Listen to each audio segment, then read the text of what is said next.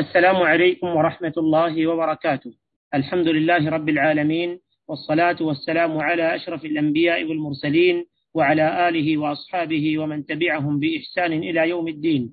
أما بعد فحياكم الله حضورنا الكريم في لقاء جديد من برنامجكم الاجتماعي والأسري برنامج ملتقى الأسرة تحت إشراف إدارة الثقافة بجمعية دار البر ونستكمل معكم محاضرات الملتقى مع محاضرة جديدة بعنوان الأسرة والحقوق المالية والتي يلقيها فضيلة الشيخ عزيز بن فرحان العنزي حفظه الله ورعاه. وأود التذكير والتنويه على بعض الأمور. أولا سيتم فتح المجال لاستقبال الأسئلة في نهاية اللقاء إما كتابية عن طريق Q&A أو صوتية عن طريق رفع اليد ثم يسمح للمشارك بسؤال الشيخ بطريقة مختصرة جدا. حتى تكون هناك فرصة لأكبر عدد من الأسئلة.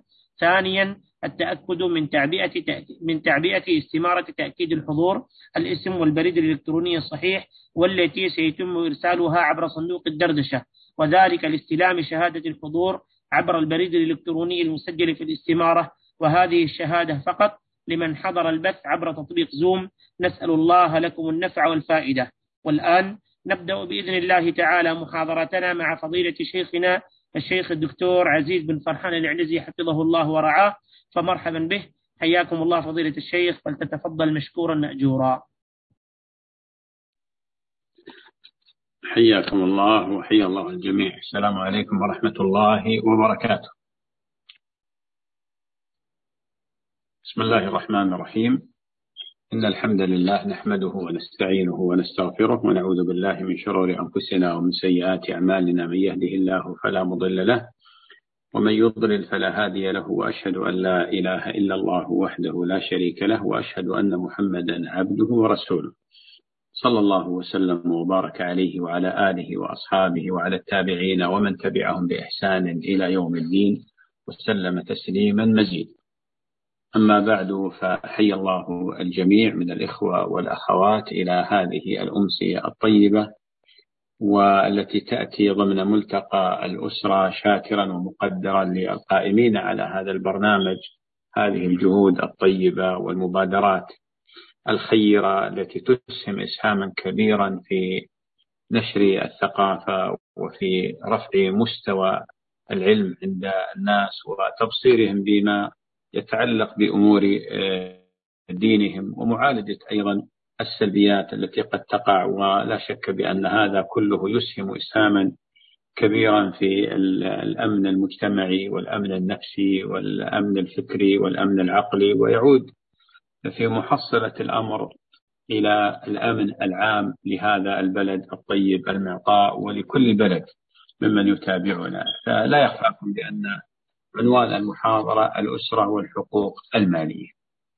لا أريد أن أسهب في ذكر مفهوم الأسرة وأركان الأسرة والحقوق والواجبات التي أناطها الله عز وجل أو أناطتها الشريعة عموما سواء نصوص القرآن نصوص السنة بركني الأسرة اللي, هو اللي هما الزوجان. وسبق لي حديث في محاضرات سابقة حول هذه المسألة. نحن سنتحدث عن الحقوق المالية آه، للحقوق المالية التي أوجبتها الشريعة فيما يتعلق بالأسرة. ولذلك سأحاول جاهدا لأن الموضوع له شعب وله ذيول وله تفاصيل.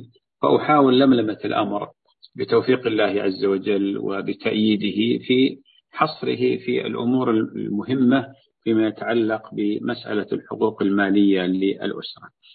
الأسرة كيان آه، جاءت الشريعة وتضافرت النصوص على الاهتمام به ولذلك الأسرة في الإسلام لها قيمة عظيمة كما سبق وأن شرحنا والله جل وعلا جعل الالتقاء بين الزوجين آية. قال سبحانه وتعالى ومن آياته أن خلق لكم من أنفسكم أزواجا لتسكنوا إليها وجعل بينكم مودة ورحمة إن في ذلك لآيات لقوم يتفكرون.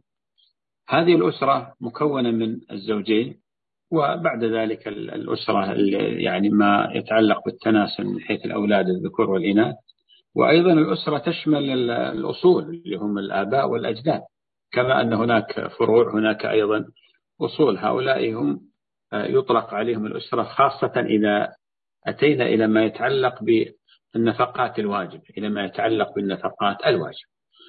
لما نتحدث عن الحقوق المالية للأسرة أول ما ينقدح في أذهاننا ما هو؟ النفقة نفقة الزوجة على زوجها. هذا هو أول ما يتبادر إلى الذهن حينما تطلق مسألة الحقوق المالية. وإلا في الواقع بأن الحقوق المالية أوسع من هذا. الحقوق المالية أوسع من هذا. ولذلك لما نأتي إلى أسباب النفقة عندنا باب من أبواب الفقه اسمه باب النفقات. باب النفقات. هذا باب عظيم. يدل على كمال الشريعة ويدل على عظم هذا الدين يدل على أن الشريعة التفتت إلى هذه الجوانب التفاتة عجيبة حينما وضعت الأمور في نصابها وحينما آه، بينت بأن هناك حقوق واجبة هناك آه، حتى إن عندنا نظرية في الفقه الإسلامي يسمى نظرية الحق. نظرية دستورية كاملة شاملة واسعة. إن صح التعبير طبعا يدخل من ضمن جزئيات الحق ما يتعلق بالحقوق داخل داخل الأسرة. طبعا أسباب النفقة إذا جينا على سبيل العموم نجدها ثلاثة. النكاح والقرابة والملك والملك. سنستبعد نحن مسألة الملك. لماذا؟ لأن يعني ليس ذا بال آه، في في هذا هذه الأمسية. ولكن أنبه إلى أن الشريعة أوجبت النفقة على الرجل في كل ما يملكه ممن يحتاج إلى نفقة الله أكبر. يعني مثلا قديما كان المماليك والعبيد وكذا يجب على سيدهم أن ينفق عليهم وجوبا لا اختيارا. البهائم أيضا إذا كان عند الشخص بهائم يجب عليه أن ينفق عليه يعني وجوبا لا اختيارا. لذلك النبي عليه الصلاة والسلام حديث في الصحيح أنه قال أنه رأى امرأة في النار تعذب بهرة يعني بسبب هرة حبستها لا هي أطعمتها ولا هي سقتها ولا تركتها تأكل من خشاش الأرض لا هي أطعمتها وسقتها ولا هي تركتها تأكل من خشاش الأرض. ولما شكى إليه بعير قال يشكو إلي صاحبه يجيعه ويكلف ما لا يطيق. إذا كانت الشريعة التفتت إلى هذا الجانب بربكم بالمجزوم المحقق أن الجانب الآخر جانب ما يتعلق بالزوجة وبالوالدين وبالإخوة وبالأخوات وبالأولاد هذا لا شك بأنه من باب أولى. ولذلك سنقتصر على جانبين وهو جانب سبب النفقة اللي هو الزوجية والقرابة. والقرابة القرابة طبعا عندنا أصول وعندنا فروع. عندنا أصول وعندنا فروع وعندنا أيضا حواش.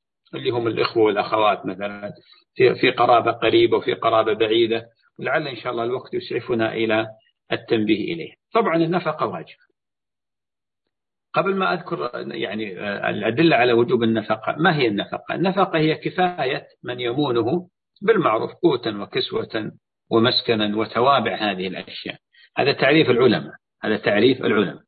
يقولون كفاية من يمونه آه، بالمعروف قوتا وكسوة ومسكنا وتوابع هذه مثل هذه الأشياء. الأدلة على وجوب النفقة الكتاب والسنة والإجماع.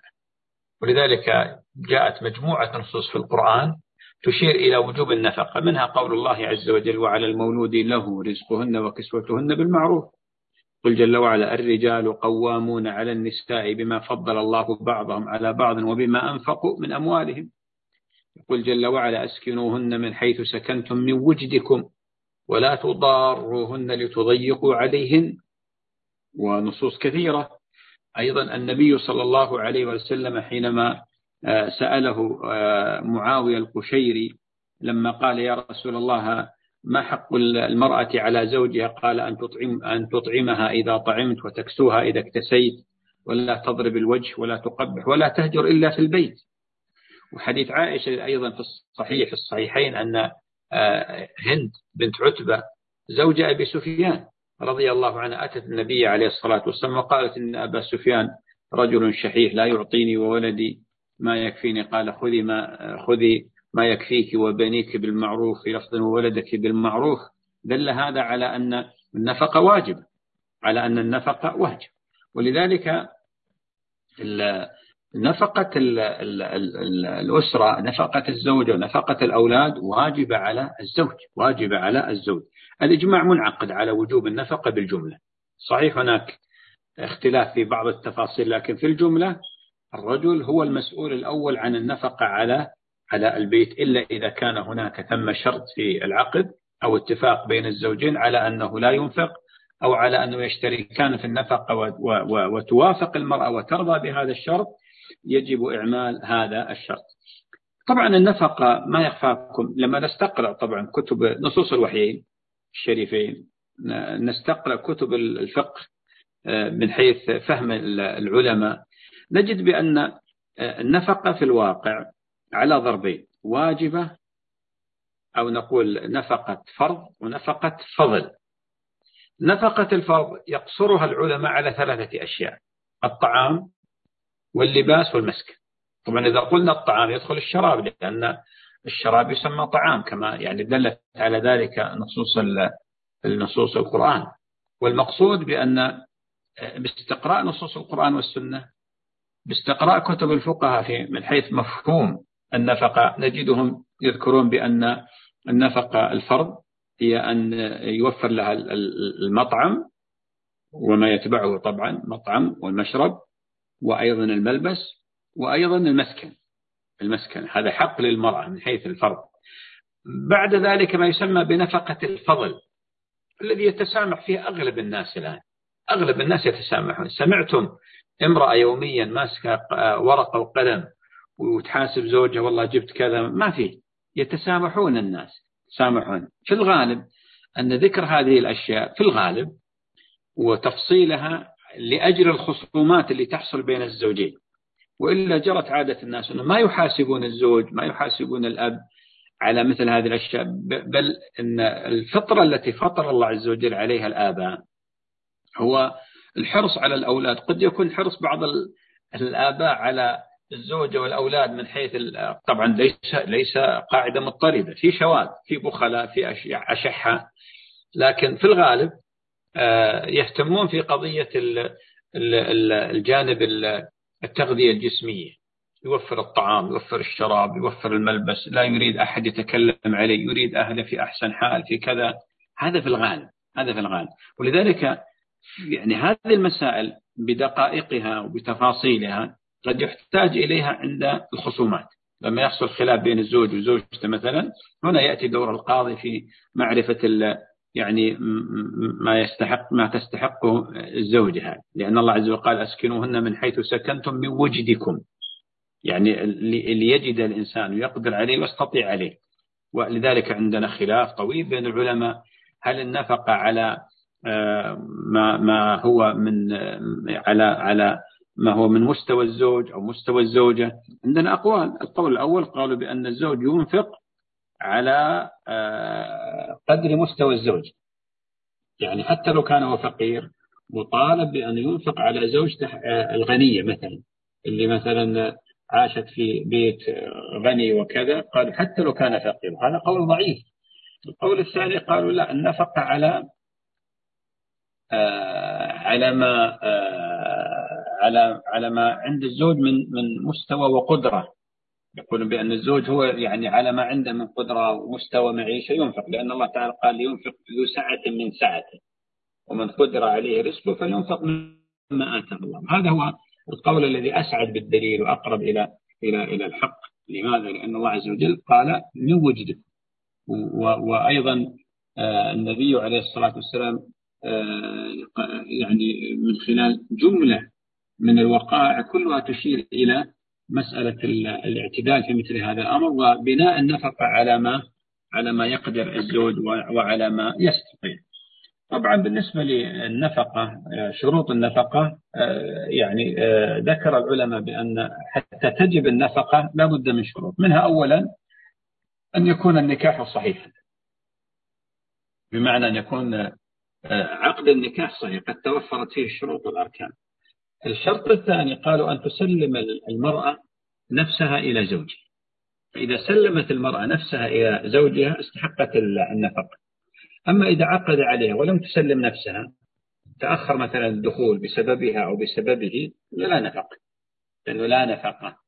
آه، والدليل أن النبي عليه الصلاة والسلام عقد على عائشة وبعد آه، ثلاث سنوات دخل عليه أو بعد سنتين وشيء دخل عليه فلم يثبت أن النبي عليه الصلاة والسلام كان ينفق عليها آه، بعد العقد قبل الدخول بعد العقد قبل الدخول. وأيضا أن لا تكون المرأة ناشزا أن لا تكون المرأة ناشزا. ومن النشوز امتناع المرأة عن عن السفر مع زوجها إلا إذا اشترطت ذلك في العقد. فلو أن رجلا أراد أن ينتقل إلى بلد آخر إلى مدينة أخرى لأجل لقمة العيش وكذا. وأبت المرأة السفر معه وأرادت البقاء عند أهلها فإن نفقتها تسقط عنها تسقط النفقة ولا تجب على الزوج. إلا إذا اشترطت في العقد عن أنه لا يسافر بها نعم تستحق ذلك ما دام أنه رضي رضي بهذا الشرط. كذلك من النشوز التمرد والعصيان على الزوج. أو الخروج من البيت مثلا. الخروج من البيت فإذا آه، نشزت المرأة وخرجت من البيت وعصت ولم تؤدي الحقوق و آه، وهذا الأمر من من طرفها وبسببها فإن النفقة تسقط في مثل هذه الحال. أما إذا كان السبب من قبل الزوج فإن المرأة تستحق النفقة بمعنى إذا كان مضار بها. يضرها ويضيق عليها ويعني يكرهها على أمر معين وهي تأبى فإن النفقة تستمر واجبة على الزوج تجاه تجاه زوجته بالنسبة لمسائل النفقة كما ذكرت لكم هو توفير الطعام آه، الذي يناسب مثل هذه الزوجة كذلك اللباس آه، كذلك المسكن المناسب لها. لما ندخل في تفريعات الفقهاء نجد حقيقة يعني أمور آه، يعني لا قبل للقارئ بها ولا سبيل إلى الانتهاء منها من حيث التفاصيل في قضية النفقة. جرت العادة أن الناس ينفقون على حسب العرف لأن الله تعالى قال وعاشروهن بالمعروف قال جل وعلا ولهن مثل الذي عليهن بالمعروف وللرجال عليهن درجة ولذلك ما في داعي إلى مثل هذه التفاصيل. يعني بعضهم يقول لك والله بعض الفقهاء يقول ما تستحق إلا ثوب واحد في السنة. طيب هل هذا عام في جميع البلاد في جميع المناطق في جميع النواحي؟ غير صحيح. قد يوجد في مناطق فقيرة اللي ما يجدون العظام ولا كثرة الطعام ولا, ولا يجدون يعيشون حياة بؤس مثلا ممكن. لكن في بلاد غنية لا يتصور في بلاد متوسطة لا يتصور. وإنما يكون تكون النفقة يعني على حسب يعني عادة أهل البلد. من حيث مثلا شراء الملابس في الأعياد في المناسبات آه، في أول السنة في آخر السنة مثلا وهكذا. كذلك الطعام. ما جرت العادة أن والله الطعام يحسب لابد من نوع معين أو شيء معين. لا هو ما جرت إعمال العرف. ولذلك العرف سلطان في الشريعة وفي في مسائل خاصة هذه المسائل التي ليس لها حد وتعريف ليس لها حد شرعي وإنما جاءت هكذا فيرجع فيها إلى يرجع فيها إلى إلى العرف. آه آه بالنسبة للحياة العادية القائمة بين الناس في قضية التوافق بين الزوجين والملاينة والصبر وعدم التركيز والتغافل وغض الطرف هذا كله مما جرت به عادة الناس من قديم الزمان. ولذلك آه، جاءت نصوص في ذم المرأة الشكاية الحنانة المنانة اللي اللي تكفر العشير يعني الزوج وهي تحتاج إليه أو أنه أنها كذا. جاءت نصوص تأمر المرأة بالصبر وبالوقوف مع الزوج وبمساعدته وبأن تعيش معه بآلامه وآماله وأن لا تنفصل عنه من من خلال موقف مادي. بمعنى تنفصل عنه ليس بالضرورة يكون طلاق وإنما انفصال في مسألة يعني مشكلة أو تحدث مشكلة في مثل هذا في مثل هذا الأمر. ولذلك سبحان الله العظيم الناس منذ قديم الزمان يصبرون. المرأة تصبر خاصة المرأة المتربية الصالحة الطيبة تصبر على زوجها وتقف مع زوجها وسند له. ولا يمكن أبدا أن تسهم في مسألة إرهاقه وإجهاده في مسائل النفقة. آه، عندنا بعض الفروع المتعلقة بهذه المسألة فيما يتعلق بمثلا المرأة هل المرأة مطالبة آه، بأن تشارك في نفقة البيت مثلا؟ الجواب لا. الأصل أن نفقة البيت بما فيها النفقة على الزوجة بما فيها النفقة على الأولاد من حيث الطعام من حيث اللباس هذا كله على الزوج يتحمل الزوج لأنه هو المسؤول. لذلك النبي عليه الصلاة والسلام قال كلكم راع وكلكم مسؤول عن رعيته. وذكر بأن الأب راع في بيته ومسؤول عن رعيته. وأيضا صح عن النبي عليه الصلاة والسلام أنه قال إن الله سائل كل راع عما استرعاه. حفظ ذلك أم ضيع؟ ولذلك الزوج سيسأله الله عز وجل عن هذه الأشياء. لكن هنا آه، يبدر سؤال. وهي إذا كانت المرأة لديها راتب شهري لديها تجارة لديها مورد مالي هل يلزمها أن تنفق على البيت؟ الجواب لا هذا الأصل لأن المرأة لها ذمة مالية مستقلة وهي غير مطالبة بالإنفاق الواجب إلا في حالة واحدة إذا كان الزوج قد اشترط ذلك في بداية العقد أو حصل بينه وبينها مفاهمة واتفاق على أنها تنفق على أنها تنفق. طيب الآن الإشكال عند أغلب الناس اللي يحصل في قضايا والإصلاح الأسري طبعا آه، يعني مكاتبهم مليئة بهذه الإضبارات وبهذه الملفات. هي المرأة تكون موظفة. موظفة مثلا والزوج يطالبها بالوقوف معه آه، في مسألة النفقة. الأصل طبعا المتقرر عند المسلم والمسلمة اللي يعلمون بأن ما من شيء يبذل إلا والله آه، مدخره له. حتى ما تجعله في في امرأتك صدقة. والمرأة لما تسهم في البيت آه، تتقرب إلى الله سبحانه وتعالى بذلك. هذا يعني هذا أصل متقرر. ولذلك ما في حاجة إلى اللجوء إلى المحاكم أو اللجوء إلى الخصومة في مثل هذا. الأصل أن يتعاون الزوجان. للدفع بسفينة البيت إلى بر الأمان ويقف الزوج مع زوجته والزوجة مع زوجها لا تتمسك الزوجة بهذا الحق تقول لا هذا حق للزوج إنفاق أنا, أنا لا أنفق على البيت. طيب السؤال هل اشترطت هذا في أول العقد؟ بمعنى أن المرأة اشترطت في بداية العقد على أن تعمل وليس للزوج حق في آه، مثلا آه، إلزامها بالنفقة؟ إذا رضي الزوج بهذا نعم الحق الكامل وليس للزوج الحق في مطالبته. أما إذا لم تشترط ذلك لم تشترط ذلك أو أن الوظيفة جاءت بعد الزواج فإن الأصل أن المرأة مطالبة بالاستقرار والقرار والسكن في البيت للقيام بالحقوق والواجبات الزوجية وحقوق البيت حقوق الأولاد وكذا. فإذا الزوج رضي بأنها تعمل وتحفظ مالها هذا شأنه.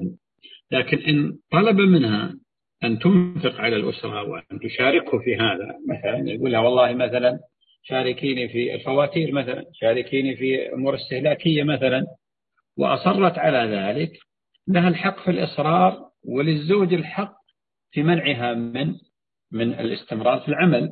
لماذا؟ لأن هذا الوقت الذي اقتطعته في العمل حق للزوج أصلا حق للزوج. فإذا أبت والزوج أصر على ذلك فله الحق أن يعني يطلب منها القرار في البيت. يطلب منها القرار في البيت. وأما إذا رضيت فانتهت المشكلة في مثل هذه الصورة في مثل هذه الحال. مسألة أخرى فيما يتعلق بتدخل الزوج في مثلا آه، أموال الزوج. هل له الحق في ذلك؟ الجواب لا لأن المرأة لها ذمة مالية مستقلة لكن العلماء يشيرون إلى أن هناك جوانب أدبية أخلاقية سلوكية يعني بين الزوجين. مثلا المرأة جرت عادة الناس بأن الزوج يتفاجأ مثلا لو أن زوجته مثلا دخلت في تجارة دخلت في شراكة دخلت في شيء سيتفاجأ في مثل هذه الحالة في مثل هذه الصورة. ولذلك يعني من الأدب استئذانه يعني من الأخلاق بيان بأن ستدخل كذا إلا يعني قد يكون للزوج رأي مثلا خاصة إذا دخلت في شراكة خاصة إذا دخلت في مشروع قد يكون هذا المشروع لم تحط به علما من حيث مشروعيته من حيث قد يكون فيه شيء من الحرام المختلط مثلا يعني ما ما هذا يكون للزوج الحق في ذلك من حيث الاطلاع يعني وهذا ليس على سبيل الوجوب لكن هذا يؤدي إلى الوفاق بين الوفاق بين الزوجين. تبقى قضايا عندنا وهي إشكالات كثيرة فيما يتعلق بنفقة الفضل.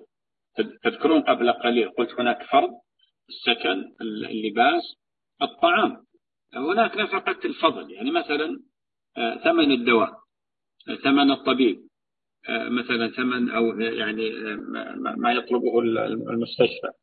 ثمن الأمور التجميلية مثلا اللي تشتريها المرأة مثلا تتجمل لزوجها. الأمور النظافة. حقيقة في خلاف طويل بين العلماء. ولذلك تجد العلماء يعني يتفقون على أن هذا على أن هذه ليست بواجبة إلا مسألة ما يتعلق بنظافة الزوجة. من توفير مثلا الصابون الشامبو الأمور التي تزيل آه، ما تنفر منه النفس من الشعر والأظفار وشيء من هذا. قالوا هذا يجب على الزوج لأن هذا مما آه، يعني آه، يمكن الزوج من كمال الاستمتاع بزوجته ولذلك ما لا يتم الواجب إلا به فهو واجب فهو يدخل ضمن هذه الحقوق. أما ما زاد على ذلك قالوا هذه ليست بفرض وإنما فضل ليست بفرض. وإنما فضل. لكن قد تحتاج المرأة إلى بعض مثلا الكريمات أو بعض الأمور التجميلية. هذا أيضا لا بد للزوج أن يلتفت إلى هذا وما دام أن الزوج يطلب من زوجته مثل هذه الأشياء إذا آه، يلزمه أن يوفر لها مثل هذه الأشياء. تبقى قضية مسألة العلاج والأدوية وشراء الأدوية هذه خلاف بين العلماء. خلاف بين العلماء من أهل العلم من يقول لا يلزم الزوج ذلك ومن أهل العلم يقول يلزمه ذلك ومن أهل العلم من يفرق بين التداوي آه الذي ليس آه يمثل خطورة على حياة الزوجة و أو التداوي يعني يعني قصد العلاج والتداوي والتطبب الذي لا يمثل خطورة على حياة الزوجة فإن هذا لا يجب. وإنما من باب التكرم والتفضل. أما ما يمثل خطورة على حياة المرأة وليس عندها قيمة هذا العلاج قيمة هذا التداوي أو قيمة التطبب عموما قالوا يلزم الزوج في, مثل هذه الحالة وفي مثل هذه الصورة. الآن جرت عادة الناس سبحان الله عدم الالتفات إلى مثل هذا. وأنا ذكرت لكم قبل قليل بأن هذه في الغالب تبرز متى؟ حال الخصومة. لما يصير خصومة بين الزوجين تبرز. وإلا جرت عادة الناس أن الرجل إذا ذهب بامرأته يحاسب هو يدفع هو هو الذي يشتري الدواء. إلا إذا كانت المرأة أغنى من زوجها مثلا أو كان لديها دخل معين تقوم هي بالشراء في مثل هذه الصورة في مثل هذه الحالة. طيب أنتقل إلى بالمناسبة أنا سأذكر يعني مسألة مهمة. هذا كلام كلام الفقهاء والعلماء وهو مبثوث في كتب الفقه لكن أحيانا بعض الدول وكثير من الدول الآن عندهم ما يسمى بقانون الأسرة اللي تلتزم أغلب المحاكم وهذا القانون صيغ من مجموعة صيغ من طبعا المذاهب الفقهية المعروفة والقائمون على هذا القانون أخذوا ما يرون بأنه الراجح الذي لا يخالف نص ولا إجماع آه، أخذوا ما يرون بأنه الراجح بالدليل من خلال الأدلة الشرعية من خلال القواعد المرعية من خلال المقاصد أيضا مقاصد الشريعة. ولذلك أنا لما أتحدث قد أتحدث بما هو موجود في كتب الفقه لكن ليس بالضرورة أن يأتي شخص ويقول والله أنا سمعت كذا ويروح يحاجج فيه عند المحاكم. لا حكم القاضي ملزم لأن القاضي مجبر والمفتي مخبر.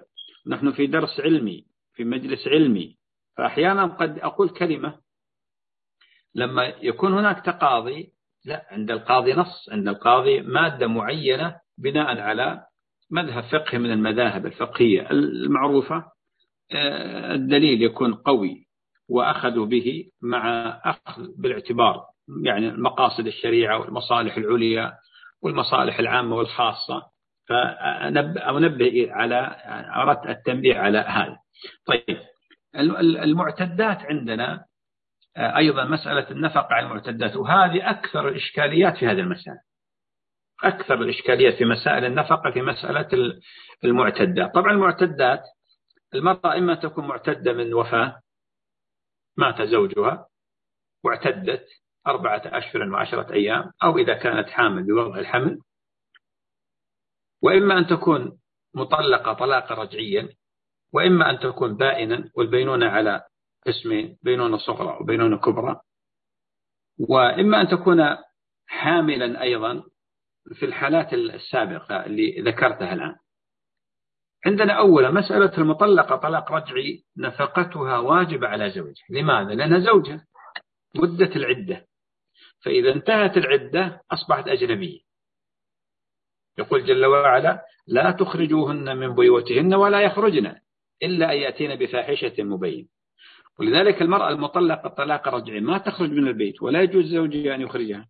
بل نص الفقهاء على أنه ينبغي لها أن تتعطر وأن تتزين وأن تتعرض لزوجها لأجل أن يراجعها. ولذلك ينفق عليها ينفق عليه. إلا في مسألة القسم إذا كان عند زوجة أخرى ما يقسم لها إلا بعد أن بعد أن يراجعه.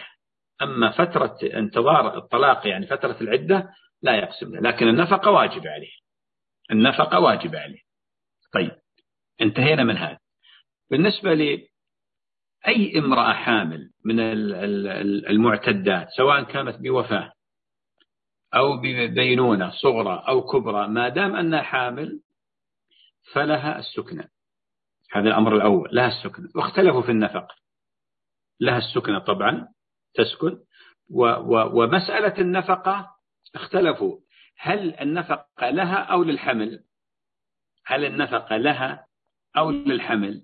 بالنسبة للمعتدة من وفاة النفقة آه، آه، لها السكنة طبعا لها السكنة حتى تنتهي من العدة. أما النفقة فأصبحت الآن من حق الورثة ولذلك تأخذ من نصيبها مدة بقائها في في العدة.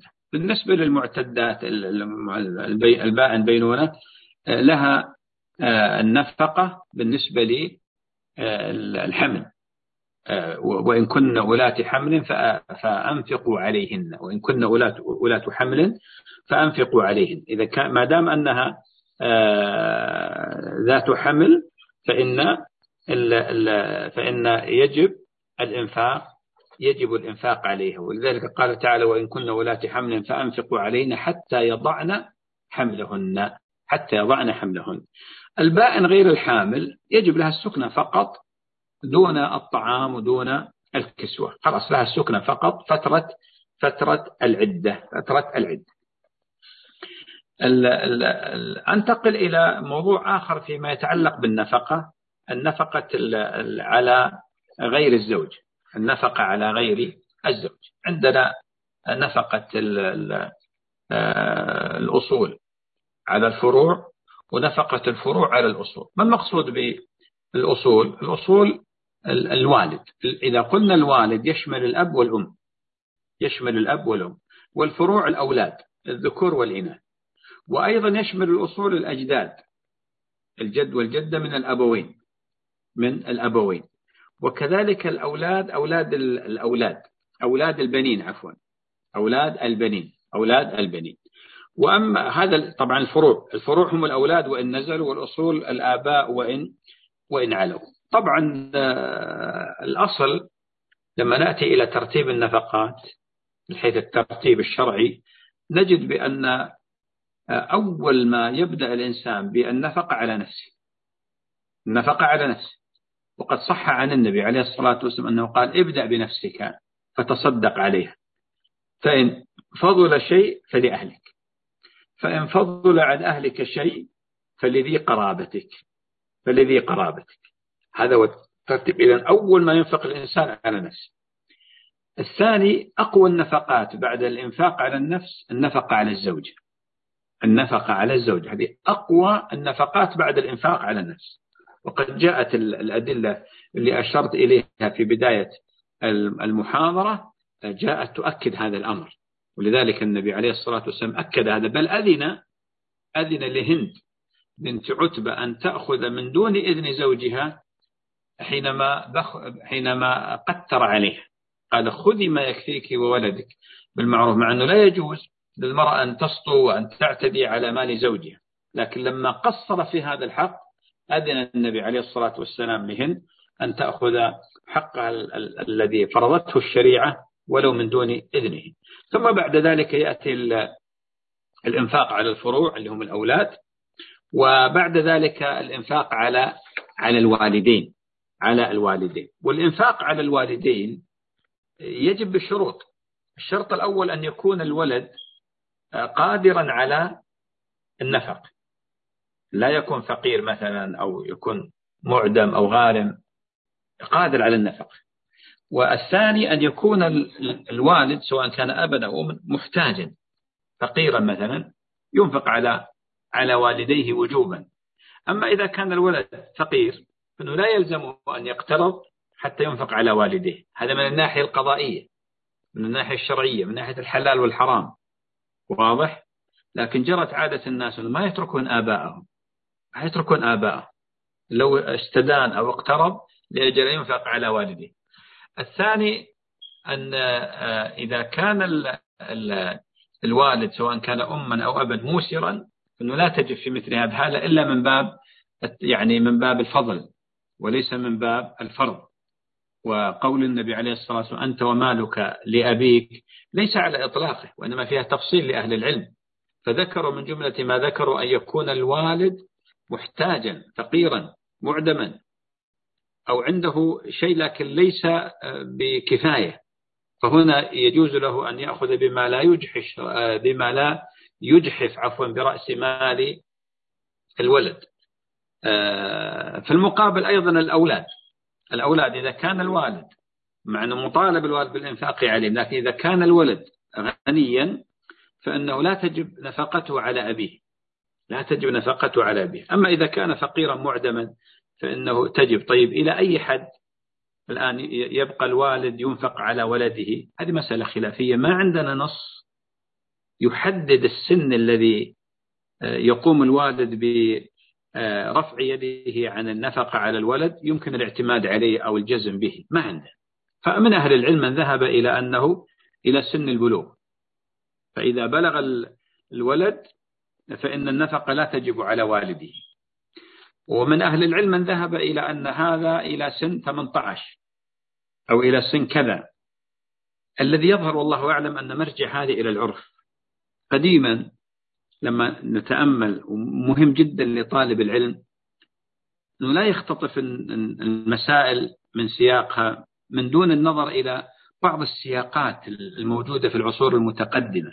قديما كان الولد إذا بلغ عشر سنوات 13 سنة خلاص يبدأ يعني مثل ما يقولون يجيب له فلوس يشتغل في السوق يشتغل حرفي صنائعي مثلا. هو هو صغير. فلذلك تجد الفقهاء مثلا يحددون بالبلوغ. يعني بلغ 15 رجل هذا. يدخل على على بيت على والديه فلوس يعين والده. أو يشتغل مثلا شغل حرفي مثلا خلاص أصبح صاحب صنعة. الآن بربكم يعني الآن لما يعني نشوف الواقع يعني أغلب الشباب الآن يعني لو قلنا الآن مثلا إذا تخرج من الثانوية يجب على والده أن يرفع يديه عنه طيب الآن من الذي يتوظف الآن؟ طبعا التجارة ضعيفة الآن بالنسبة لجيل الشباب. من اللي يستطيع يتوظف الآن بالثانوية؟ ممكن لكن قليل. الآن عرف الناس ما تعارف عليه الناس أن الولد فعلا إذا إذا أراد أن يتوظف لابد يحمل إيش؟ شهادة جامعية. شهادة جامعية. يعني تجد شاب عنده يحمل ملف يقول ما, ما هي شهادتك ثانوية يعني مع الباب مثل ما يقولون. ولذلك يظهر بأن من المهم جدا أن يتغير الحكم بناء على العرف. فيبقى الوالد يصرف على على أولاده وجوبا ها وجوبا حتى يتخرج من الجامعة. يتخرج من الجامعة معه حذاؤه وسقاؤه يرد الماء ويأكل الشجر. خلاص. غير مكلف. إلا من باب التفضل من باب ال ال ال يعني الجانب الأبوي وهذا هو الموجود. يعني أنا ما أعرف حقيقة يعني أب يتخلى عن أولاده بمثل هذه الطريقة يعني مع مع وجود حاجة الولد. ما أعتقد. تجد الولد يسكن في بيت أبوه ويأكل ويشرب ويلبس من من مصروف الوالد. هذا جرة العادة. لكن قد يوجد بعض الجهات مثلا وبعض النواحي آه، الوالد فقير ما يستطيع. بالكاد يطعم زوجته ويطعم أولاده الفراخ الصغار فقط. فإذا الولد هذا بلغ قد يقول له خلاص مع السلامة آه، دبر عمرك شوف نفسك. أنا لست مسؤول عنك. له الحق الكامل شرعا. لكن في البلاد الغنية البلاد المترفة البلاد الحمد لله اللي فيها خير. ما تجد أحد يقول لابنه خلاص مع الش... يعني آه، مع الباب مثلا. لا لما يصبرون على أولادهم حتى يجد له حتى يجد له وظيفة. يبقى قضية أنا قلت لكم في بداية المحاضرة الموضوع واسع ومتشعب. آه، لكن ألملمها إن شاء الله وبتوفيق الله سبحانه وتعالى. يبقى قضية الإخوة والأخوات والعم والأعمام والعمات والخالات هذا لا يجب على الإنسان أن ينفق عليه. يعني ليس مفروضا عليه أن ينفق على أخوانه وأخواته أو على أعمامه وعماته أو على أخواله وخالاته إلا من باب التفضل. بمعنى أنه لا يجب عليه ما عندنا نصوص شرعية تفرض عليه لازم تنفق على أخيك وعلى أختك إلا في حالة واحدة إذا التزم هذا التزم هذا قال أنا خلاص أنا أنفق على أختي هذه. أنفق على أخي هذا مثلا إذا التزم هذا وجب عليه. إذا التزم هذا وجب عليه. ولذلك يقولون بأن يجوز للأخ أن يعطي زكاة ماله لأخيه الفقير إلا إذا التزم الإنفاق عليه. فإذا التزم الإنفاق عليه وأعطاه من زكاة ماله حمى ماله وجر نفعا إلى نفسه ما يجوز هذا. ها؟ فلذلك هذا من باب التفضل. طبيعة الناس أيضا يحسنون إلى أقاربهم وإلى أرحامهم وخاصة الإخوة والأخوات. هناك طبعا مسائل آه، يعني فروع كثيرة حول هذه المسألة لكن أعتقد بأن الوقت أدركنا الآن لم يبقى إلا ربع ساعة ولعلي إن شاء الله أترك المجال للأسئلة سواء أسئلة المشافهة أو المكتوبة لعلها تسد ثغرة. عندي موضوعات كثيرة يعني مسألة آه، مثلا عندي مسألة الإنفاق على الأولاد على قسمين. نفقة فرض ونفقة فضل.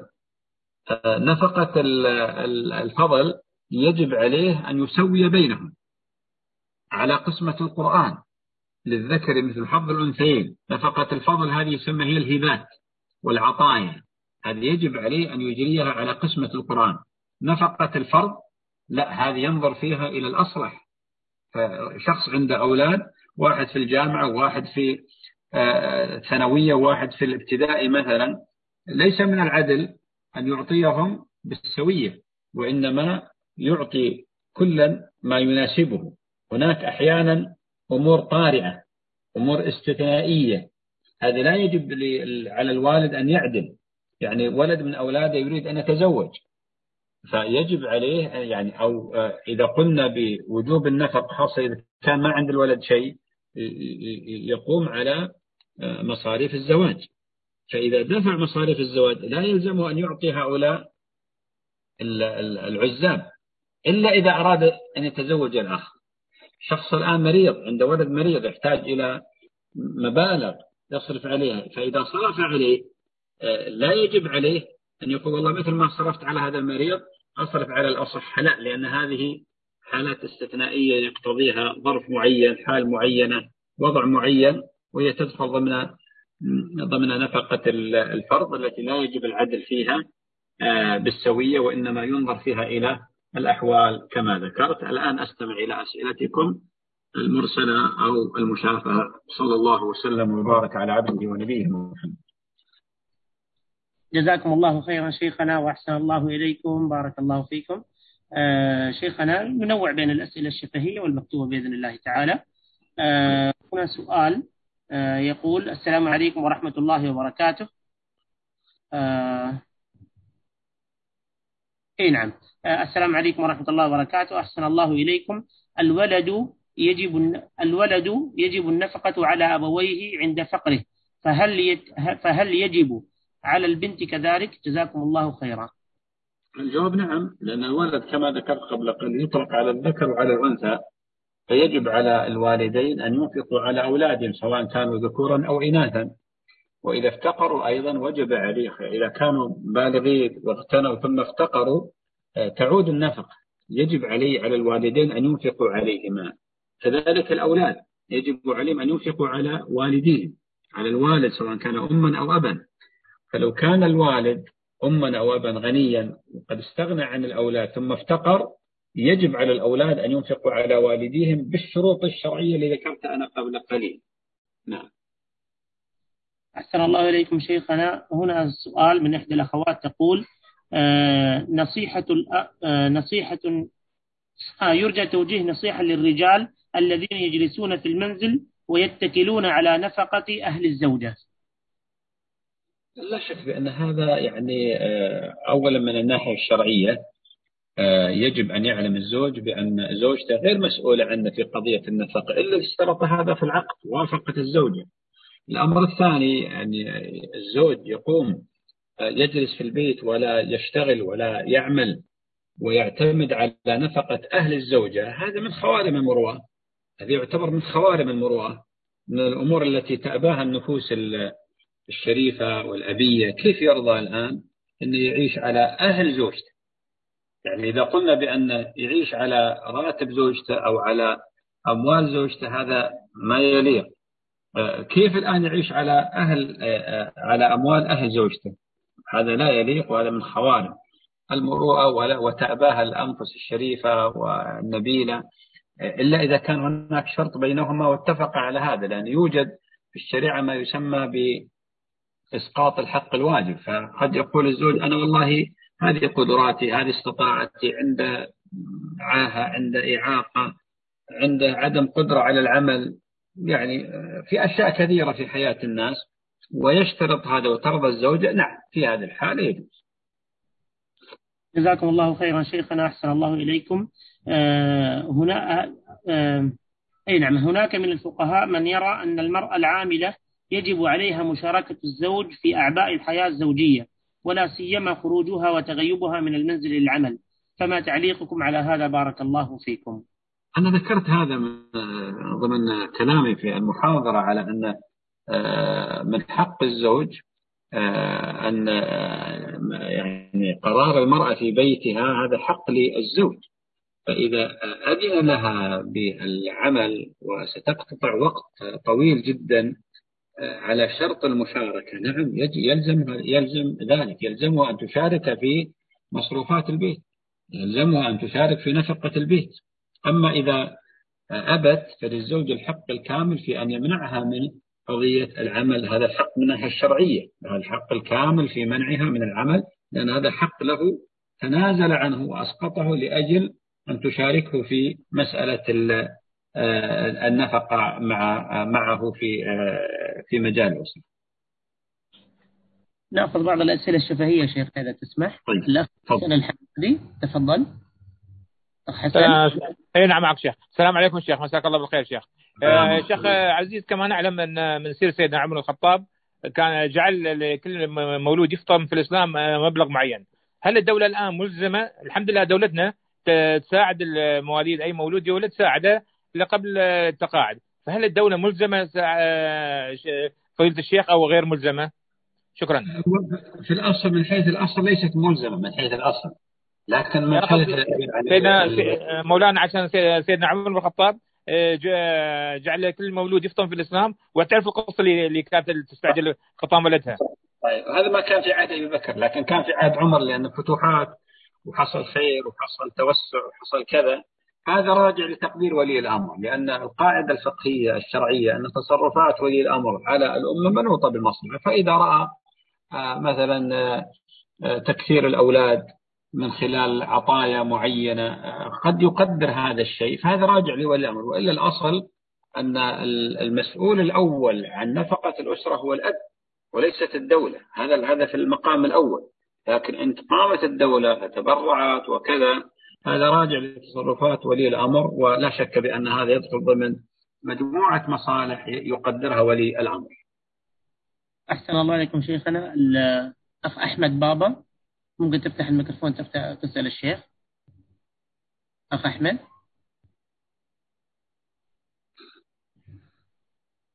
الأخ عبد الباري السلمي. السلام عليكم ورحمة الله وبركاته. السلام ورحمة الله وبركاته. مساك الله بالخير يا شيخنا. بارك الله فيك. الله يعطيك العافية. جزاك الله خير على هذه المحاضرة القيمة عندي سؤال. الله يحفظك يا شيخ. حديث الرسول صلى الله عليه وسلم. اتقوا الله واعدلوا بين أولادكم. آه، ما هي الأمور التي يجب على الأب العدل فيها؟ آه، بين الأولاد. وهل العدل معناها المساواة يا شيخ؟ يعني مثلا عندي ولدي جاب تقدير ممتاز في الشهادة وقلت أعطيك 200 ريال. واحد جاب جيد جدا. هل لازم أعطيه 200 ريال ولا ممكن أعطيه 150 العدل بارك الله فيك الله جزاك الله خير يا شيخ. بارك الله فيك. أحسنت على هذا السؤال. أولا بالنسبة لحديث النعمان بن بشير لما نحله والده نحلة وذهب قصة طويلة فقال له النبي صلى الله عليه وسلم ألك ولد غيره؟ قال نعم. قال أكلهم أعطيتهم؟ قال لا. قال اتقوا الله واعدلوا بين أولادكم. هذا أصل الأصل الحديث لأنه أعطاه عطية وهبة هبة وما أعطى بقية إخوته فالنبي صلى الله عليه وسلم نهاه زجره حتى قال لو أشهد على هذا غيري لا تشهدني على جوج المسألة الثانية العدل لا يلزم فيه المساواة. يعني بعض الناس الآن يعتقد بأن العدل هو أن تساوي بين آه، بين الأشياء بين الأشخاص آه، مساواة تامة من حيث القدر المقدار هو غير صحيح. أنا في المحاضرة ذكرت المثال قلت شخص الآن عنده ولدين ولد في الجامعة ولد في الابتدائي أو ثلاث أولاد قلت لكن أختصرها ولد في الجامعة ولد في الابتدائي. هل من العدل أني أعطي هذا الصغير أعطي الكبير عشر دراهم وعشر ريالات لأني أعطيت الصغير عشر دراهم وعشر ريالات غير صحيح. العدل أحيانا يأتي في صورة تمايز. العدل يأتي في صورة تمايز. فهذا الولد اللي في الجامعة عشر دراهم ليست بشيء مثلا خمسين درهم أو خمسين ريال. وهذا يكفي خمس دراهم أو عشر دراهم أو عشر ريالات مثلا. ولذلك المساواة ما ما وردت عندنا لفظة المساواة آه، في الشريعة في مثل هذه القضايا قضايا العطايا. وإنما جاءت العدل. اتقوا الله واعدلوا بين أولادكم. إن الله يأمر بالعدل والإحسان. فمن العدل أحيانا التمايز والتفاضل في الأشياء حينما يقدر الشخص بأن هذه بأن هذا يستحق كذا وهذا يستحق كذا. حتى في في. مثلا الزوج المعدد يعني. بعض الناس الآن عنده زوجة عندها مثلا سبع أطفال ثمان أطفال أو أولاد وزوجة عندها ولد. وهو يعتقد المسكين بأن والله من العدل أني أعطي هذه مثل هذه. غير صحيح.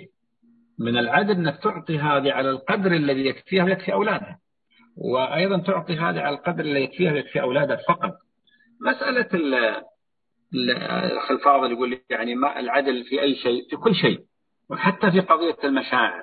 ولذلك النبي صلى الله عليه وسلم لما جلس عند رجل من الأنصار وجاء آه، جاء غلام طفل يعني ذكر من أولاده شمه وقبله ووضعه في حجره وجاءت جارية يعني بنت صغيرة فما فعل بها مثل ما فعل بالذكر الولد. وضعها جنب فالنبي عليه الصلاة والسلام ما ترك هذا يمر بسلام. قال هل عدلت بينهما؟ هذا هو العدل إنك تعدل بين حتى في المشاعر.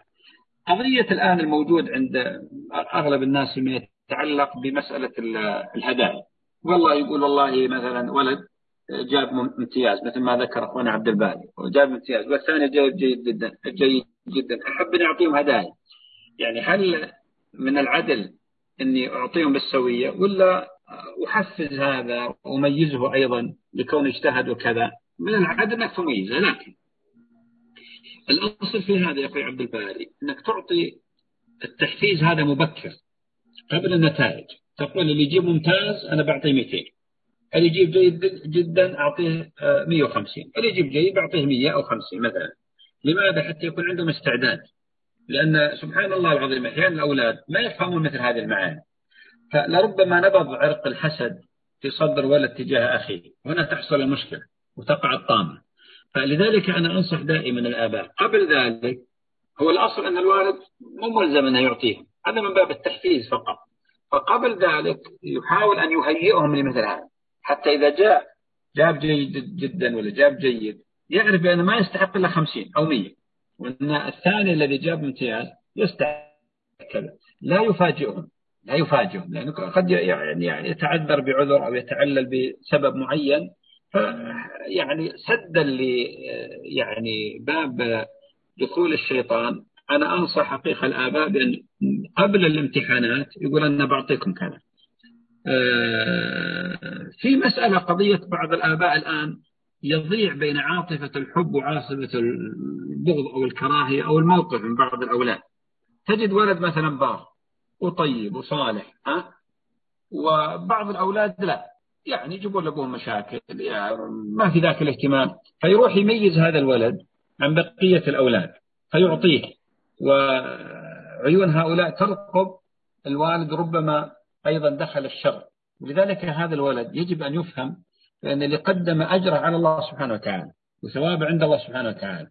وإذا أراد أن يعطيه يعطي البقية حتى لا يدخل الشر ويسد باب آه، من أبواب الشر. جزاكم الله خيرا شيخنا أحسن الله إليكم. آه، الأخ وليد عبد اللطيف أبو خالد؟ عندك سؤال؟ أبو خالد؟ طيب شيخنا آه، السلام عليكم ورحمة الله. لا ورحمة الله وبركاته حياك الله الشيخ يا طيب. آه، الشيخ بخصوص اللي معدد يعني مثلا عنده زوجتين أو ثلاث واشترى لوحدة مثلا ثوب بألف درهم والثانية بخمسمائة درهم والثالثة مثلا ثلاثمائة درهم وكل واحدة أعجبها الثوب هذا يعني. هي بروحها اختارته. فهل هذا من العدل؟ إي نعم هذا من العدل. ما دام أن المرأة هي اللي اختارت هذا وطلبت هذا هذا من العدل لأن أسقطت حقها في آه، القدر الزائد عند الأخرى. هذا من العدل نعم. جزاك الله خير شيخ الله يحفظك. آه، أخ يوسف. ممكن تسأل الشيخ؟ تفضل. نعم نعم السلام عليكم ورحمة الله وبركاته. آه عليكم السلام خيرا يا حضرة الدكتور. نشكركم على جهودكم. وبارك في عزك طيب عندي سؤال مثلا. هناك مقولة نريد نصيحتكم حقيقة وإرشاداتكم وكذلك التوجيهات. مثلا يقول إذا من طلب العلم جملة إن صحت العبارة ذهبت عنه جملة. كيف تنصحوننا مثلا هناك طالب عنده همة عالية يحاول أن يحضر الدورات والمحاضرات في كل شيء. هل هذا من هذا القبيل؟ نريد منكم يعني التوجيه في هذا. والسؤال الثاني السؤال نعم، الثاني مثلا آه نحن كالشباب إذا قيل لنا تزوج نقول أنا في الدراسة هل الزواج المبكر يعني يؤثر على الدراسة؟ يعني نريد منكم التوجيه دكتور بارك الله فيكم حياكم الله. حفظك الله بارك الله فيك شكر الله لك. أولا المقولة السابقة صحيحة نعم تناقلها السلف والعلماء يرددونها كثيرا وهي أن من رام العلم جملة ذهب عنه جملة ولا يقصدون بذلك يعني آه، لا يقصدون بذلك جعل الطالب محبط أو لا لا يكون عنده همة عالية ولا نشاط. لا لا يقصدون هذا وإنما يقصدون مسألة المنهجية في طلب العلم. هذا المعنى لأن بعض الناس يهجم على العلم آه، هجوم ويذهب إلى المطولات ويذهب إلى الأمور التي يعني هي آه، ما يصل إليها إلا المنتهي. وهو في بداية العلم فهنا يحصل عنده فتور ويذهب النشاط وتموت الهمة. هذا المقصود يا أخي الفاضل. وإلا الشخص الذي الذي همة عالية ورغبة في الحفظ ورغبة في القراءة هنا يلتزم طريقة أهل العلم في المنهجية. وهذا النوع من طلبة العلم يستطيع أن يعني يحصل على العلم بوقت قصير على خلاف غيره ممن ليس لديه تلك الهمة العالية بشرط أن يمشي بمنهجية واضحة منهجية واضحة أرأيت الرجل الآن؟ هل يتصور أن رجل لا يحسن السباحة ثم يقول لا أنا سأذهب وأقذف نفسي في الماء؟ ما يمكن. لابد أن يتدرج. كذلك السلم هذا ما يمكن للشخص أن يقفز آه، إلى الدرجة العليا وإنما يأتي السلم شيئا فشيئا. كذلك العلم. قال تعالى ربانيين بما كنتم تعلمون الكتاب وبما كنتم تدرسون. العلماء يقولون الرباني هو الذي يعلم الناس أو الطلاب صغار العلم قبل كباره. فهذا يا أخي الفاضل بارك الله فيك. ليس يعني قتلا للهمة أو مثلا تنفير عن قضية النشاط لا. بالعكس بل هذا مما يشجع العلماء. فإذا وجد عند الشاب همة عالية ونشاط ورغبة في قضية طلب العلم أهم شيء أن تكون عنده منهجية. كيف يبدأ بهذه العلوم؟ الجواب على سؤالك الثاني الزواج لا يمنع من طلب العلم. بل قد يكون سبب معين على طلب العلم. لأن من يعني تزوج فقد أكمل شطر دينه فليتق الله في الشطر الثاني. وهذا يعني سبب من أسباب تحصين فرجه ونظره وأموره. ولذلك قد يعينه الزواج على أن تكون همته كلها منصرفة إلى طلب العلم. أحسن الله إليكم شيخنا. الحقيقة الأسئلة كثيرة. ما أدري تسمحون بسؤالين أو ثلاثة إضافي ولا؟ تفضل تفضل. لا بأس. طيب. آه هنا سؤال من إحدى الأخوات. تقول هل مصروف شهري للزوجة واجب في حال منع زوجته من العمل لتلبية احتياجاتها و أو المجاملات أو دورات تعليمية؟ والله هذا سؤال مهم. أشكر الأخت الفاضلة عليه. لماذا؟ لأنه آه، نبهني على مسألة أن بعض أو أغلب النساء الآن تعتقد بأن النفقة هي مسألة راتب شهري يجب على الزوج أن يصرف آه، يصرف عليها. يعني بمعنى إما يعطيها شيك ولا يعطيها كاش ولا يعطيها شيء. هذا تصور مغلوط يا إخواني ويا أخواتي.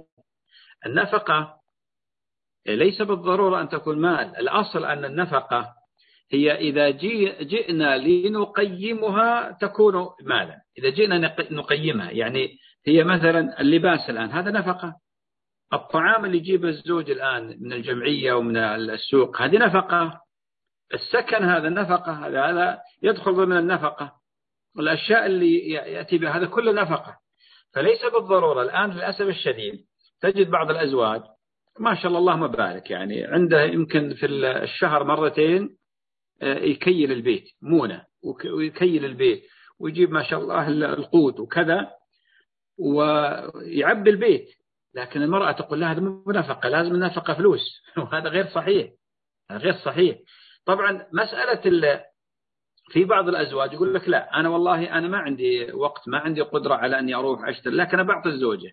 أنا بدفع لها ما مبلغ مالي شهري أو كل أسبوعين هي تذهب تشتري يعني آه، مونة صحيح. هذا يدخل ضمن آه، النفقة سواء ما يتعلق بالطعام والشراب وما يتعلق أيضا بكسوتها. ما يتعلق مثلا بالكسوة اللي هي تدخل ضمن هذه النفقة. أو بعض الأزواج يقول الله هذا المطبخ وهذا لك. وبعض الأزواج والله عنده استعداد يقول لك أنا الحمد لله أنا عندي خير وأجيب يعني أمور الضروريات البيت تحتاج وأعطي الزوجة مبلغ مالي يعني تتصرف فيه فيما يتعلق بمسألة يعني تشتري الثياب تشتري كذا حتى الأمور الكمالية التحسينية التي أصلا ليس واجبا على الزوج أنه والله يوفر ثوب لكل حفلة زواج مثلا أو لكل حفلة آه، مثلا نجاح. هذا ليس من الواجبات على الزوج. هذه أشياء يتفضل فيها الزوج. اللباس الضروري اللباس كذا وأحيانا قد يكون العرف له دور في هذا. العرف يعني مثل ما ذكرت له سلطان. فإذا تعارف الناس على أن والله الزوج آه، في كل عيد مثلا يشتري ثوب لزوجته أو في كل مناسبة مثلا يعمل بهذا العرف. أما إذا ما وجد عرف لا. جزاكم الله خيرا شيخنا وأحسن الله إليكم. نأخذ السؤال الأخير. آه، هنا سؤال من الأخ عباس صالح من دولة غانا يقول قول وجوب نفقة نفقة أخ على أخت لأن في ميراث الذكر لأن في الميراث للذكر مثل حظ الأنثيين. هل هذا الكلام جائز؟ أكرمكم الله. أعد السؤال. آه آه القول بأن وجوب نفقة أخ على أخت على الأخت. لأن إيه؟ الوجوب القول بوجوب النفقة نفقة الأخ على الأخت. لأن في ميراث في ميراث الذكر مثل حظ الأنثيين. هل هذا الكلام نعم هو هذا الحقيقة ذكر بعض الفقهاء يقولون طبعا يضبطون مسائل النفقة أن كل من يرث الآخر تجب عليه نفقته. يقول كل من ورث كل من له نصيب في الميراث تجب عليه نفقته. وإن كان يتفاوت هذا من حيث القرب يعني مثلا نفقة النفقة على الوالد ليس كالنفقة على الإخوة. هذا قول طبعا لكن تعرف بأن الإخوة يحجبون بالأولاد. فإذا كان الشخص مثلا عنده أولاد أو عنده والد مثلا يحجب هؤلاء الإخوة هنا لا نستطيع القول بالوجوب إلا من باب التفضل أو الالتزام إذا التزم الشخص بالإنفاق على على إخوته. جزاكم الله خيرا شيخنا وأحسن الله إليكم وبارك الله فيكم. شكر الله لكم. بارك الله فيكم. سبحانك اللهم وبحمدك. أشهد أن لا إله إلا أنت. أستغفرك وأتوب إليك. السلام عليكم ورحمة الله وبركاته. وعليكم السلام ورحمة الله وبركاته.